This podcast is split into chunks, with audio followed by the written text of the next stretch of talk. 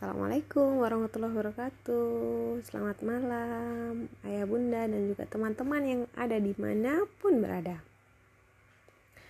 Nah di episode kali ini uh, Kak Atus ingin sedikit bercerita Pengalaman yang tempo hari itu sempat bener-bener apa ya Pengalaman baru uh, dalam membersamai orang tua dan juga dari uh, apa anak spesial yang ada uh, di sekolah kaktus.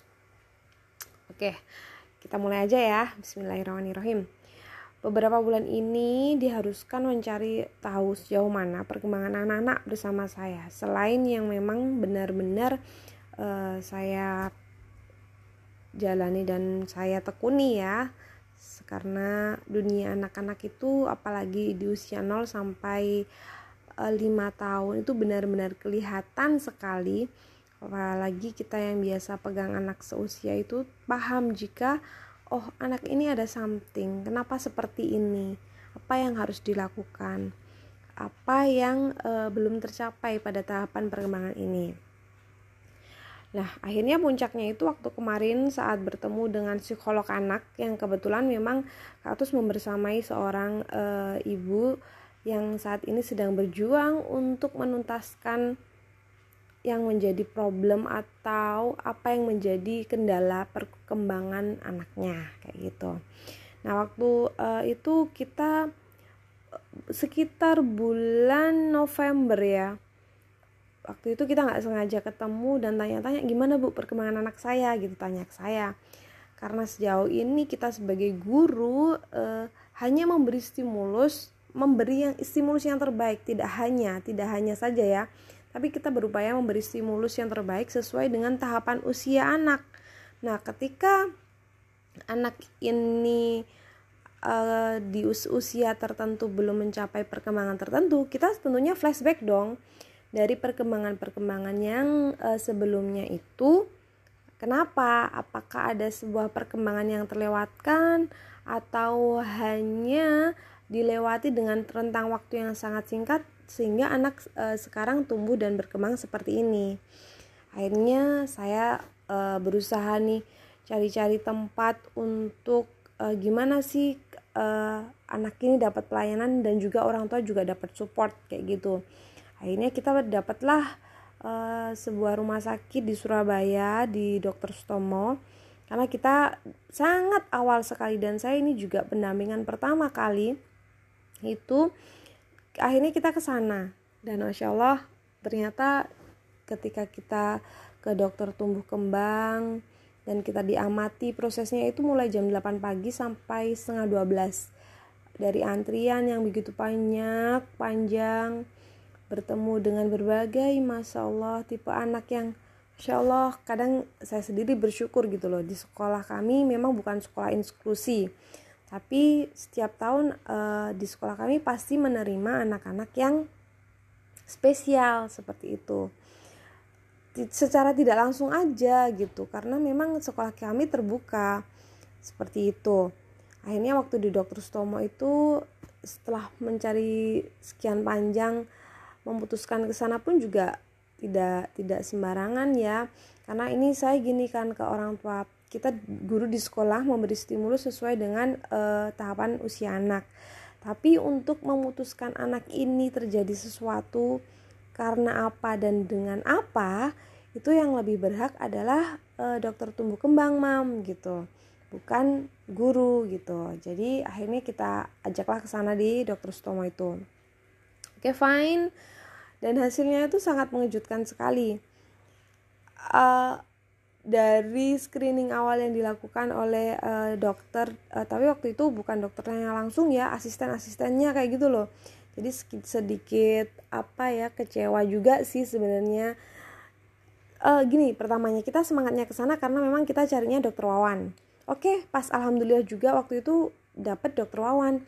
Tapi waktu penanganannya itu bukan dokter Wawannya langsung. Jadi kayak asisten-asisten atau dokter muda yang magang kayak gitu. Jadi karena uh, beliau itu juga orang kesehatan ya. Maksudnya uh, mama anak didik saya ini juga orang kesehatan jadi tahu gitu. Oh ini baru koas kayak gitu. Jadi ya agak sedikit sedikit apa ya hmm, uh, belum belum memuaskan gitu.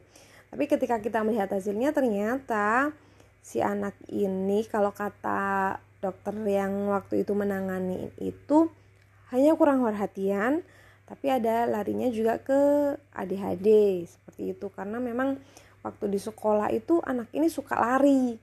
Terus kemudian setiap ada barang baru itu dia selalu melempar.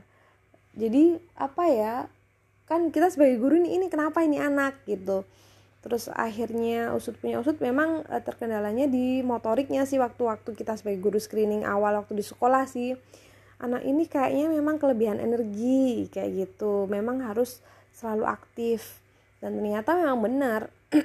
Waktu di dokter tumbuh kembang eh, di, di apa screening awalnya seperti itu. Akhirnya diberilah eh, beberapa tugas orang tua yang dibawakan pulang itu dalam eh, secari kertas. Saya ingat waktu itu. Itu tuh pembiasaan yang dilakukan sehari-hari bersama anak dan orang tua. Dan itu oh my god saya gini uh, jauh-jauh kita ke sini kita dapatnya seperti ini. Kalau bagi saya pendidik oke okay lah ya. Itu bisa dilakukan bisa dilakukan sehari-hari sehari dua eh, sehari-hari di rumah gitu. Kayak uh, mengelap meja bersama anak mengajak anak untuk membereskan tempat tidur. Itu kan hal yang pembiasaan yang menurut kita karena kita setiap hari pegang anak dengan harus uh, belajar bersama anak untuk kemandiriannya. Jadi saya rasa sih biasa. Tapi bagi orang tua ternyata itu PR yang luar biasa sekali gitu. Oke lah ya. Akhirnya orang tua ya udah kita lakukan. Eh dokter menyarankan untuk kembali lagi dua bulan. Jadi harusnya kita kembali bulan Januari kemarin. Tapi setelah uh, saya konsultasi dengan beberapa orang tua anak spesial yang ada di Surabaya, kemudian uh, dokter psikiatri anak, beberapa rujukan psikolog dan juga alhamdulillah semuanya Allah lancarkan. Allah mudahkan juga uh, terapis. Banyak bantuan dari Masya Allah terima kasih ayah bunda yang sudah support uh, kami di sini juga dan untuk anak ini yang terbaik juga. Itu akhirnya sampai kita memutuskan untuk baik lebih baik.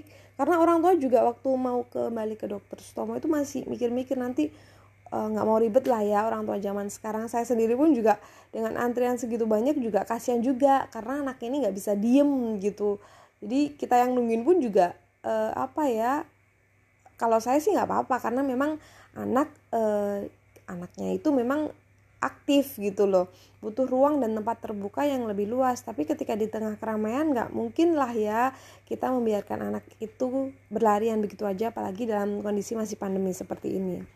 Akhirnya kita memutuskan untuk bulan Desember itu oke okay, kita sudah ke dokter tumbuh kembang dan dia kita sudah uh, memiliki screening awal penguatan screening awal yang memang dari sekolah itu sebenarnya kita paham anak ini tuh kelebihan energi akhirnya di bulan Desember kemarin itu saya berkonsultasi dengan berbagai uh, apa stakeholder tadi. Saya komunikasikan juga dengan orang tua. Akhirnya gimana bu? Kayak gitu. Kalau saya mah saya gitu. Saya mah karena kita udah dapat screening awal dan belum tentu juga di rumah sakit itu uh, apa disarankan untuk terapi kalau saya lebih baik juga ke terapinya kayak gitu. Akhirnya kita carilah tempat terapis untuk si anak ini dan orang tua setuju. Kita menunggu jadwal karena itu waktu itu Desember ya alhamdulillah juga dapat langsung dapat nomor kontak terapisnya. Alhamdulillah kita dapat uh, di Karunia Family Center yang ada di Klampis ini. Nah itu memang di situ untuk uh, apa anak-anak yang bermasalah di sensori integrasinya. Lama banget nunggu selama bulan Desember itu gimana ya? Mamanya tuh sudah semangat banget. Gimana nih bu? Kapan kita ke sana? Kapan kita sana? Tapi karena memang mungkin akhir tahun saya paham lah ya.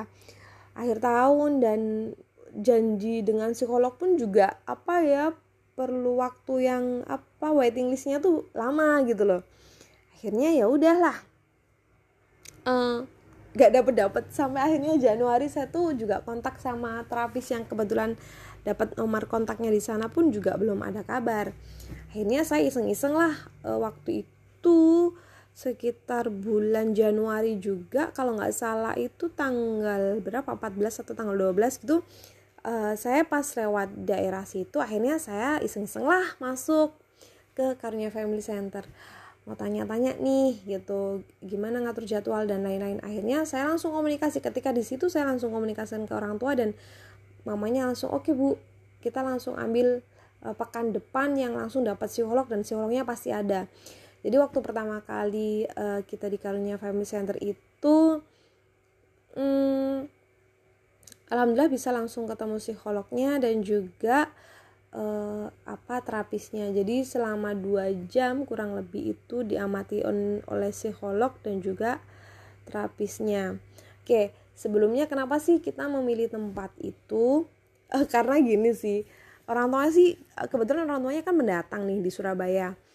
Terus saya sendiri pun sebenarnya juga pendatang di Surabaya. Cuman uh, saya kan banyak berusaha mengumpulkan informasi dan tempat yang terbaik yang sekiranya bisa dijangkau orang tua, anak ini bisa tertangani sesuai dengan apa yang dibutuhkannya, juga uh, dengan uh, kondisi yang yang apa ya, pokoknya sangat memungkinkan karena anak ini uh, juga kan di sekolah kan. Akhirnya ya itu tadi kita cari tempat yang paling dekat dan sesuai. Oke lah di di Karunia Family Center hmm, uh, apa terapisnya rata-rata memang hmm, apa itu lulusan fisioterapi gitu. Oke akhirnya kita coba di sana. Nah ini cerita lucunya. Nggak lucu sih sebenarnya. Ini berupa, merupakan uh, apa ya ilmu baru buat saya sendiri khususnya. Saya juga masih banyak belajar lagi. Ternyata waktu diamatin di eh, apa ruangan itu itu tuh ada ada sesuatu yang memang anak ini tuh di di apa ya bukan di labelin dilihat secara uh, khusus untuk screening awal dari psikolognya tadi. Oke? Okay? ini cukup dulu untuk yang ini ya. Next di part 2 nya saya akan cerita apa yang akan dilakukan di sana terima kasih Assalamualaikum warahmatullahi wabarakatuh.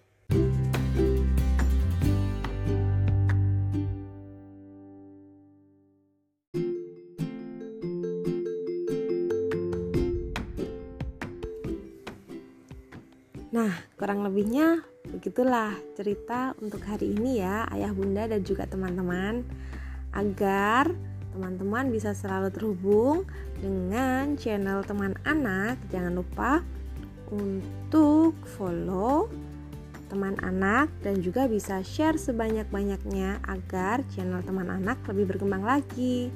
Terima kasih. Wassalamualaikum warahmatullahi wabarakatuh.